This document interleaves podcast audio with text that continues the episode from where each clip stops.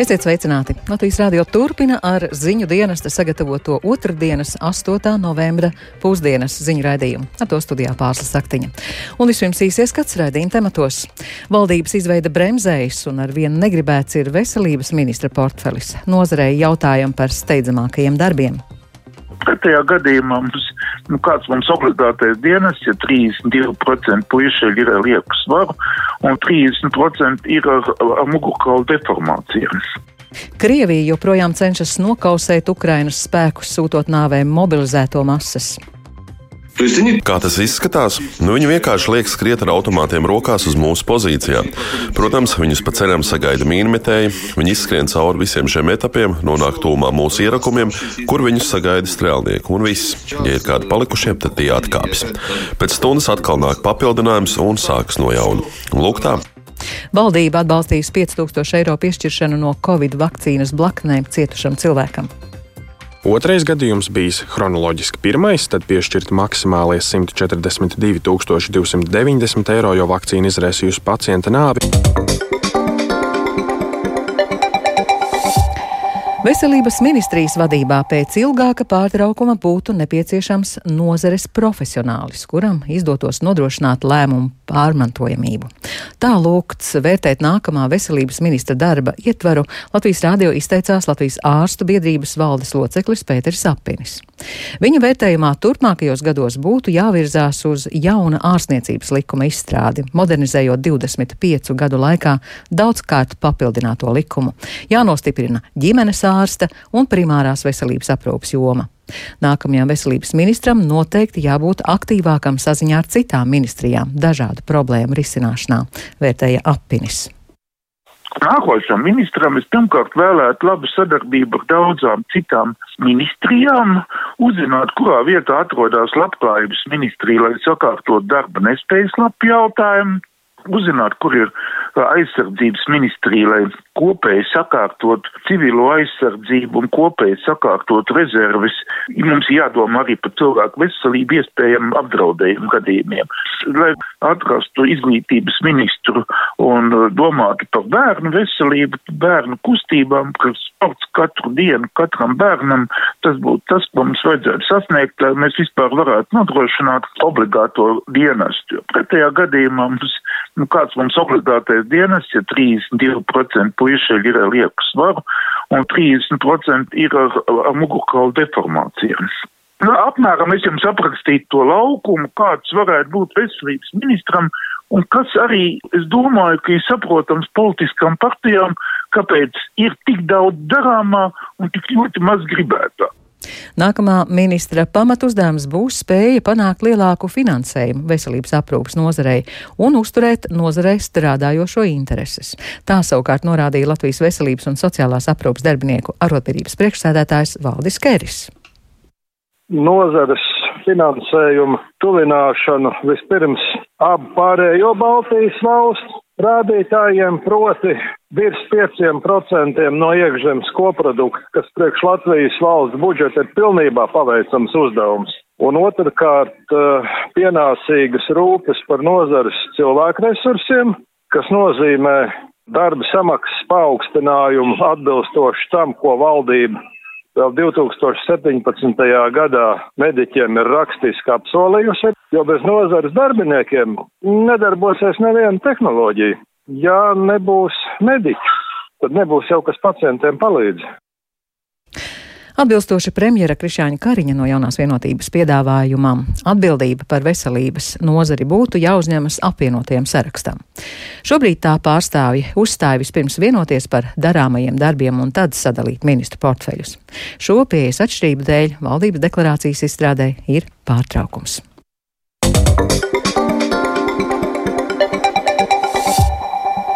Valdība šodien lēma izmaksāt kompensāciju cilvēkam, kurš cietis no Covid vakcīnas izraisītām blaknēm. Kopumā līdz šim Latvijā kompensācijas piešķirtas trim cilvēkiem vai tuviniekiem. Tikmēr eksperti atgādina, ka katrs blakņu gadījums tiek rūpīgi izvērtēts un šādu gadījumu ir ļoti maz. Turpina Kristaps Feldmanis.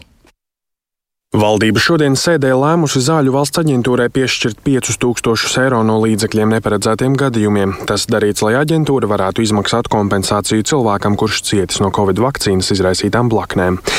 Šajā gadījumā tās radījušas vidēji smagas veselības problēmas, vairāk stāsta zāļu valsts aģentūras direktora pienākumu izpildītāja Ilze Bude. Šodien ministru kabinets lēma jā par vidēji smagu kaitējumu, kas bija kompensācijā noteikti kā 5000 apmērā. Šajā gadījumā tā bija Janssen vakcīna. Mēs varam pateikt, ka šajā gadījumā ir uh, konstatēta cēloņa saistība ar šo vakcīnu un ar uh, vakcīnas zāļu aprakstā norādīto blakus parādību venozo trombemboliju, kas ir nopietni asinsvadu sistēmas traucējumi. Bude skaidro, kopumā līdz šim zāļu valsts aģentūra saņēmusi 101 iesniegumu par iespējamām covid vakcīnas izraisītām blaknēm.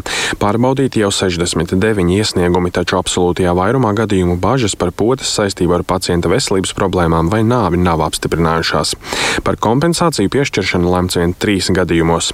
Viens no tiem visjaunākais ir jau minētais šodien lemtais par 5000 eiro piešķiršanu. Otrais gadījums bijis chronoloģiski pirmais, tad piešķirt maksimālie 140 2290 eiro, jo vakcīna izraisījusi pacienta nāvi. Savukārt par atlikušo gadījumu turpina būde. Tur mēs pieņēmām lēmumu, kas bija saistīts ar miocardītu perikardītu, kas ir sirds infekcijas iekaisums, un tur bija 10 tūkstoši kā kaitējums smagumam atbilstošā summa. Uz to, ka smagākas vakcīnu izraisītas blaknes ir iespējamas, taču ārkārtīgi reti sastopamas, norāda arī valsts imunizācijas padomas priekšsādātāja Dācis Zavacka. Viņa skaidro, pēdējā laikā šis jau tā nelielais blakņu skaits mazinās. Tāpat tas notiek arī ar vieglajām blakus parādībām. Jāsaka, ka arī tie vieglākie gadījumi, kas ir šīs sagaidāmās reakcijas, kas varbūt kādam ir likušās ilgstošākas vai nepatīkamākas, arī tās ir mazinājušās. Savukārt tādi īsti, ko mēs varam tiešām saukt par blakus parādībām, ziņojumi ir nu, ir ļoti maz, un tāda, kas ir nu, šobrīd pēdējo mēnešu laikā izdarītām vakcinācijām, ja nemaldos, tie ir mazāk kā uz vienas rokas pirkstiem saskaitāmi. Kā norāda Zavacka, vērtējot vakcīnu blaknes bērniem, līdz šim bērnu slimnīcā konstatēti trīs vakcīnas izraisīta miocardīta gadījumi. Vienā gadījumā tas novedis arī pie lēmuma izmaksāt kompensāciju. Kā secināms, šis ir tas pats gadījums, par kuru runāja Zāļu valsts aģentūras direktora pienākumu izpildītāja Ilze Būde, minot, ka šajā gadījumā lēmts izmaksāt 10 000 eiro kompensāciju. Kristaps Feldmanis, Latvijas radio. Turpinoties kara darbībai Ukrainas austrumos un dienvidos, Krievija turpina sūtīt Ukrainas armijas pozīciju virzienā mobilizēto karavīru masas. Panākumus gan tas nedod. Tikmēr Turcija paziņoja, ka drīzumā nāks klajā ar piedāvājumu graudu līgumu pagarināšanai. Pašreizējais līgums, kas padarīs iespējamu graudu eksportu no Ukrainas ostām, beigsies 19. novembrī. Plašāk stāsta Rihards Plūme. Ukrainas dienvidos diennakts laikā Ukrainas armija likvidējusi Krievijas tehniku un iznīcinājusi munīcijas noliktavu, nogalināti vairāk nekā 30 Krievijas karavīri. Ukrainas aviācija dienvidos veikusi astoņus triecienus. Ukrainas aizsardzības ministrijas galvenā izlūkošanas direkcija vēsta, ka tuvākajās dienās Krievijas okupanti var veikt provokatīvas Hersonas apgabala dzīvojamo rajonu apšaudes, lai apsūdzētu Ukrainas aizsardzības spēkus.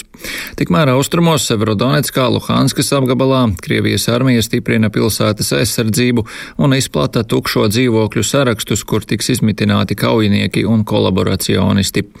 Pēc Severodonetskas pilsētas militāra civilās administrācijas priekšsādātāja Aleksandra Struka teiktā, humanitārā situācija pilsētā ir sarežģīta. Krievijas armija, kas diennakts laikā veikusi 9 raķešu un 37 aviācijas triecienus, cenšas noturēties īslaicīgi okupētajās teritorijās. Ienaidnieks turpina veikt veikt uzbrukuma operācijas Bahmutas un Avdīvkas virzienos. Ukrainas prezidents Valdemirs Zelenskis situāciju frontē raksturojas šādi. Загалом по фронту наші сили перебувають у стані активної оборони. Kopumā frontē mūsu spēki atrodas aktīvās aizsardzības stāvoklī. Dažviet austrumos un dienvidos pamazām atgrūžam ienaidnieku. Mēs pakāpeniski virzāmies uz priekšu. Donetskas apgabals joprojām ir okupantu lielākā vaiprāta epicentrs. Katru dienu viņi mirst simtiem. Zeme Ukraiņu pozīciju priekšā burtiski nosēta ar okupantu līķiem. Zavalena tilami okupanti. Savukārt politologs un Ukrainas armijā dienošais Kirillis Sazonovs norāda, ka Krievijas armija karo kā pagājušajā gadsimtā. Kaujās sūta simtiem mobilizēto, taču tie ir slikti apmācīti un ekipēti. Mobilizētie vienkārši tiek izmantoti kā lielgabala gaļa, un Krievija cenšas panākt sev vēlamo sūtot uz priekšu lielas masas, savukārt nogalinātos pēc tam neaizved. То есть они тупо поднимают народ с автоматами, и тот бежит к нашим позициям. Kā tas izskatās? Nu, viņi vienkārši liek skriet ar automātiem rokās uz mūsu pozīcijām. Protams, viņus pa ceļam sagaida mīnmetēji, viņi izskrien cauri visiem šiem etapiem, nonāk tūmā mūsu ierakumiem, kur viņus sagaida strēlnieki. Un viss, ja ir kādi palikušie, tad tie atkāpjas. Pēc stundas atkal nāk papildinājums un sākas no jauna. Lūk, tā. Es nezinu, vai viņiem šķiet, ka mums beigsies patrons vai sajuksim prātā, ka neizturēsim vai agri vai vēl kā kāds tomēr tiks cauri. Katrā ziņā cilvēks viņu nežēlo. Cilvēku ir daudz un darbojas viņa pēc šādas loģikas. Bet turpinoties graudu eksportam no Ukrainas ostām, Turcija norādījusi, ka grasās pagarināt graudu līgumu vēl uz gadu. Tā paziņojas Turcijas aizsardzības ministrs Hulusi Jākars. Pēc viņa teiktā Turcija drīzumā nāks klajā ar piedāvājumu līguma pagarināšanai. Pašreizējais līgums beidzas 19. novembrī. Visbeidzot, tiek vēstīts, ka Ukraina sākusi otrās lidmašīnas AN-225 Mrija būvniecību. Tā aizstās leģendāro lidaparātu, kuru iebrukuma sākumā iznīcināja Krievu iebrucēji Hostomeļā. Kā vēsta vācu izdevums Bild, to norādījis uzņēmuma Antonov ģenerāldirektors Jevgeņijs Gavrilovs. Pēc viņa teiktā jaunā Mrija jau ir gatava par 30%. Darbi tiekot veikti slepenā vietā, un otrajam AN-225 tiks nodrošinātas gan jaunas detaļas, detaļas, gan bojātās lidmašīnas daļas. Paredzamās šīs lidmašīnas būvniecības izmaksas ir 500 miljoni eiro. Rihards Plome, Latvijas radio. Turcijas galvaspilsētā Ankarā ierodas Zviedrijas premjerministrs Ulfs Kristersons. Vizītes mērķis ir censties pārliecināt Turcijas prezidentu Reģipu Teibu Erdoganu atbalstīt Zviedrijas uzņemšanu NATO. Zviedrijas un arī Somijas ratifikācijas protokols kā pēdējās vēl nav parakstījušas Turcija un arī Ungārija. Turcijas prezidents apsūdzējis abas valstis par patvērumu sniegšanu Kurdistānas strādnieku partijas kaujiniekiem, apgalvojot, ka tāda jādaliek tiekot atbalstīts terorisms. Un turpina Rihards Plūme. Vēl sestdien Zviedrijas ārlietu ministrs Tubijas Bilstrēms paziņoja, ka Zviedrijas jaunā valdība norobežosies no Sīrijas kurdu tautas aizsardzības vienībām, lai saņemtu Turcijas atbalstu valsts uzņemšanai NATO. Sīrijas kurdu zemesardze un tās politiskais spārns Demokrātiskās vienības partija tiek uzskatīta par Turcijas kurdu bruņotās separātistu grupējuma Kurdistānas strādnieku partija atzaru. Zviedrija, tāpat kā ASV un vairākas citas NATO dalībvalstis, sniegušas atbalstu Sīrijas Sīrijas kurdu zemesardzē cīņā pret teroristisko grupējumu Islāma valsts. Tikmēr Turcija piedraudējusi bloķēt Zviedrijas uzņemšanu NATO, ja tā nepārtrauks atbalstīt Sīrijas kurdu zemesardzi.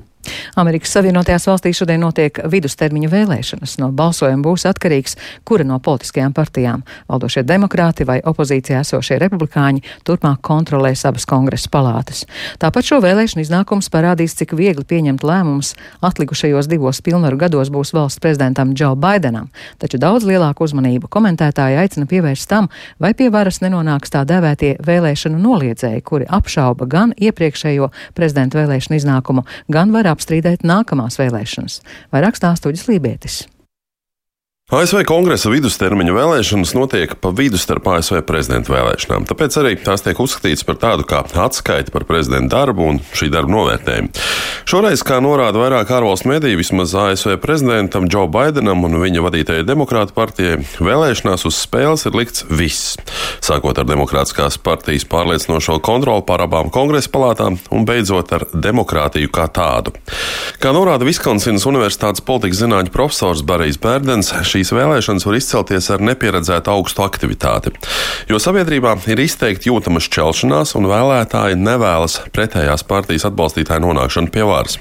Taču par spīti tam arī šogad visticamāk kopumā tiks ievērots vēsturiskās tendences. Vēsturiski tā partija, kura atrodas Baltajā namā, vidustermiņa vēlēšanās kongresā zaudē aptuveni 20 vietas, un ja valdība ir vienota, tad šie zaudējumi ir vēl lielāki.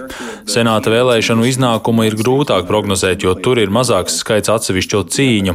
Šajās cīņās lielāka nozīme ir kandidāta personībai un katrā štatā atšķirīgajām aktuālajām tēmām nekā nacionālajām spēku sadalījumam. Arī šogad izskatās, ka republikāņiem ir labas izredzes atgūt kontroli pār pārstāvjiem pārstāvju palātu, jo viņiem ir nepieciešams mainīt tikai dažu kongresmeņu krēslu piedarību. Senātā cīņa būs daudz sīvāka un iespējams labākās pozīcijās pat ir demokrāti. Taču arī šeit republikāņiem ir nepieciešamas tikai dažas vietas, lai iegūtu vairākumu. Netrūkst arī komentētāji, kuri norāda, ka šogad vēlēšanas tomēr ir ļoti atšķirīgas, jo pēc 2020. gada ASV prezidenta vēlēšanām tikai ir audzis plašumā to cilvēku skaits, kuri piekrīt bijušā prezidenta Donalda Trumpa apgalvojumiem, ka vēlēšanas vēlēšanas viņam tika nozagtas, un Džo Baidens nav likumīgais Savienoto Valstu prezidents.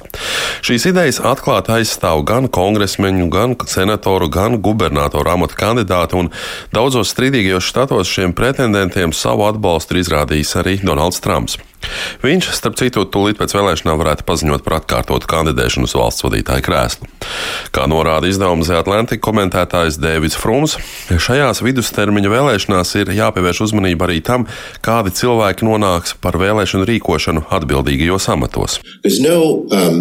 Amerikā nav nevienas no politikas neatkarīgas aģentūras, kas organizētu vēlēšanas. Vēsturiski šie amati nav bijuši īpaši izšķiroši. Cilvēki vēlējās šos amatus galvenokārt prestižu prestiža dēļ.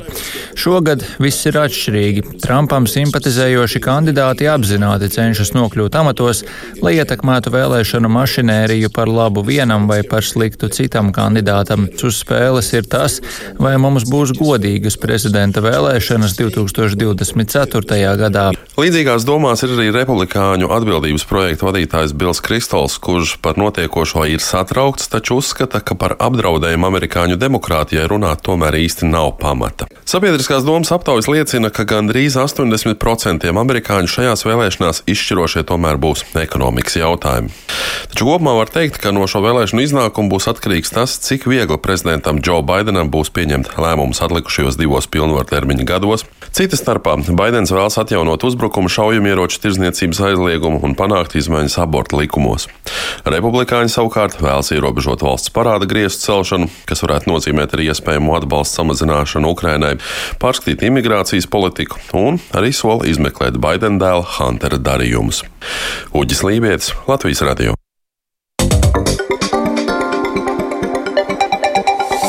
Jūrmālas domes nelikumīgā atkrituma apsaimniekotāja izvēle sāk otro tiesvedības apli. Proti, līdz šim tiesa ir atzinusi, ka pirms sešiem gadiem Jūrmālas atkritumu konkursā par uzvarētāju bija jāatzīst e, cits uzņēmējs, un tagad šis komersants tiesai prasa no domes piedzīt negūto peļņu - vairāk nekā 706 tūkstoši eiro. Noprotams, ka Jūrmala ar vien piekāpties negrasās, un par to plašāk Edgara Kupčī ierakstā. Atkritumu apsaimniekošanas milža Eko-Baltija vides trīce ar Jūrmālas domu aizsākās 2016. gadā, kad kurortpilsēta konkursā izvēlējās grūžu izvedēju nākamajiem astoņiem gadiem. Toreiz Jūrmāla šo biznesu nodeva kompānijai Clean Air, lai gan izdevīgāko darījumu piedāvāja Eko-Baltija vide. Domas izvēle par nelikumīgu atzina tiesa.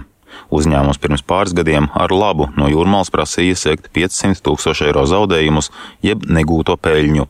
Taču Jūrmala mierīzlīgumam nepiekrita. Tā kā šobrīd mēs tos konkrētos ciparus nosaukuši un pieprasījuši no Jūrmalas, nu tad viņi ir sākuši atkal viņus apstrīdēt. Un... Eko Baltija vida vadītājs Jānis Aizbalts stāsta, ka tiesas ceļā gatavojas no Jūrmalas piedzīt 706 tūkstošus eiro. Pašā iepirkumā arī bija rakstīta paredzētā peļņa no vairākām pusēm, gan sadzīves atkrituma apsaimniekošana, gan konteineru pārdošana, nomu un tam līdzīgi. Tur ir vairāki punkti, kas pamatojās uz to līgumu, kuru mēs uh, neguvām. Un šī ir negūtā peļņa, nevis negūtais apgrozījums. Nav runa par apgrozījumu, bet tiešām tīru negūtu peļņu. Nu, mēs esam arī jūrmās domā aicinājuši par pirmstiesas vienošanos un runāt, sēsties pie galda par šo summu, par aprēķiniem, varbūt tad nonākt pie kaut kādu kopsaucēju un atkal, nezinu, trīs gadus netērēt tiesvedībām, jo tomēr arī mūsu domē tie ir administratīvi izdevumi. Nu, diemžēl viņi nav gatavi sarunām. Jūrmāls doma nesteidzas runāt arī pašlaik. Pēc pāris stundu komentāru gatavošanas dome lakonisku atbildi sniedza rakstiski. Jūrmālas dome personu apvienības prasības pieteikumu atlīdzināt it kā nodarītos zaudējumus uzskata par pilnībā nepamatotu.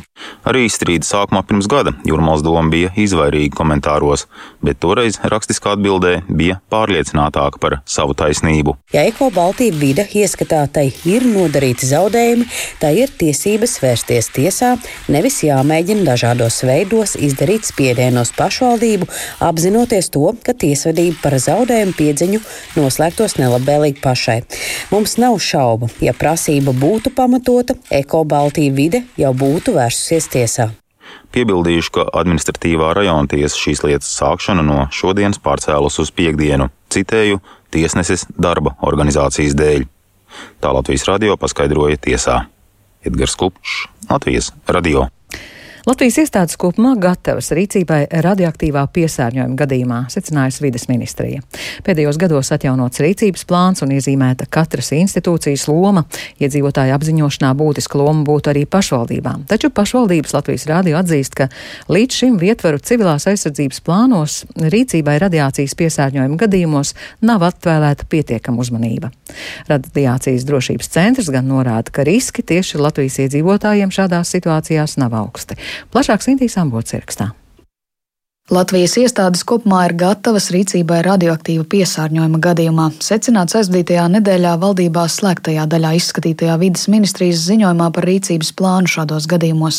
Ministrijas valsts sekretāra vietnieks vidas aizsardzības jautājumos Andris Ķēniņš norāda, ka tā ir daļa no civilās aizsardzības plāna, un radiācijas drošības centrs un citas iestādes ir aktualizējuši algoritmus rīcībai tieši radioaktīvā piesārņojuma gadījumā, ja kāds incidents notiktu citu valstu atomelektrostacijās. Tur ir iekšā gan no brīža, kad kaut kas kaut kur notiek, līdz tam, kā tas atnāk varbūt līdz šejienei, ko katrs tajā brīdī dara, kurš atbild par iedzīvotāju apziņošanu, kurš mēra, kurš par ūdeni, kurš par pārtiku. Katrai iestādē ir visas vienkārši tās funkcijas.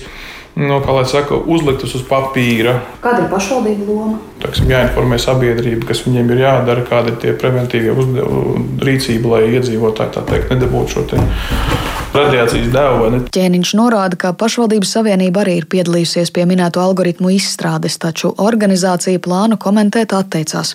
Tāpēc par gatavību arī kādu radiācijas piesārņojumu risku gadījumā vaicāja pašām pašvaldībām. Piemēram, aizkrauklas novada domas vadītājs Leons Līdums no Latvijas attīstībai un vidzemes partijas saka, ka civilās aizsardzības plāns novada aktualizēts pērn vasarā līdz ar teritoriālo reformu, bet tas neietver rīcības plānu radiācijas piesārņojuma gadījumā. Mūsuprāt, šis produkts kāds mums ir tapis, viņš noteikti ir jāpilnveido.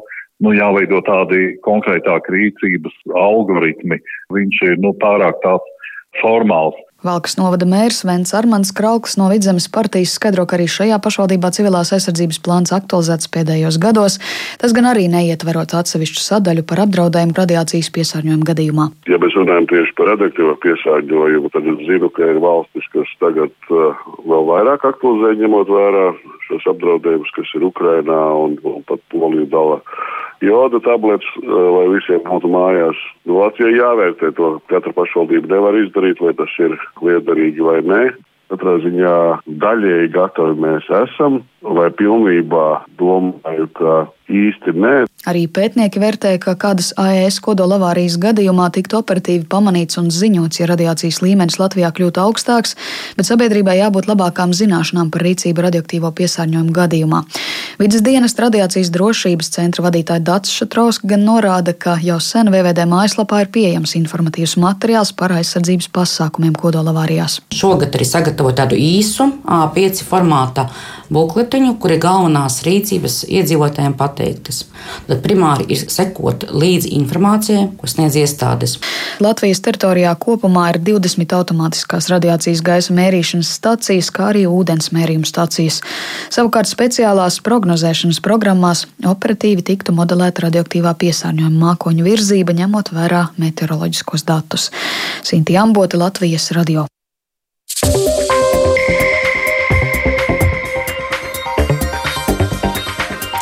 Tas arī viss pusdienas ziņu raidījumā. Producents Edgars Kupčs, ierakstus montēja Ulris Vīnbergs, par labskaņu rūpējās Katrīna Bramberga, ar jums runāja pārslas saktiņa. Vēl īsi par svarīgāko.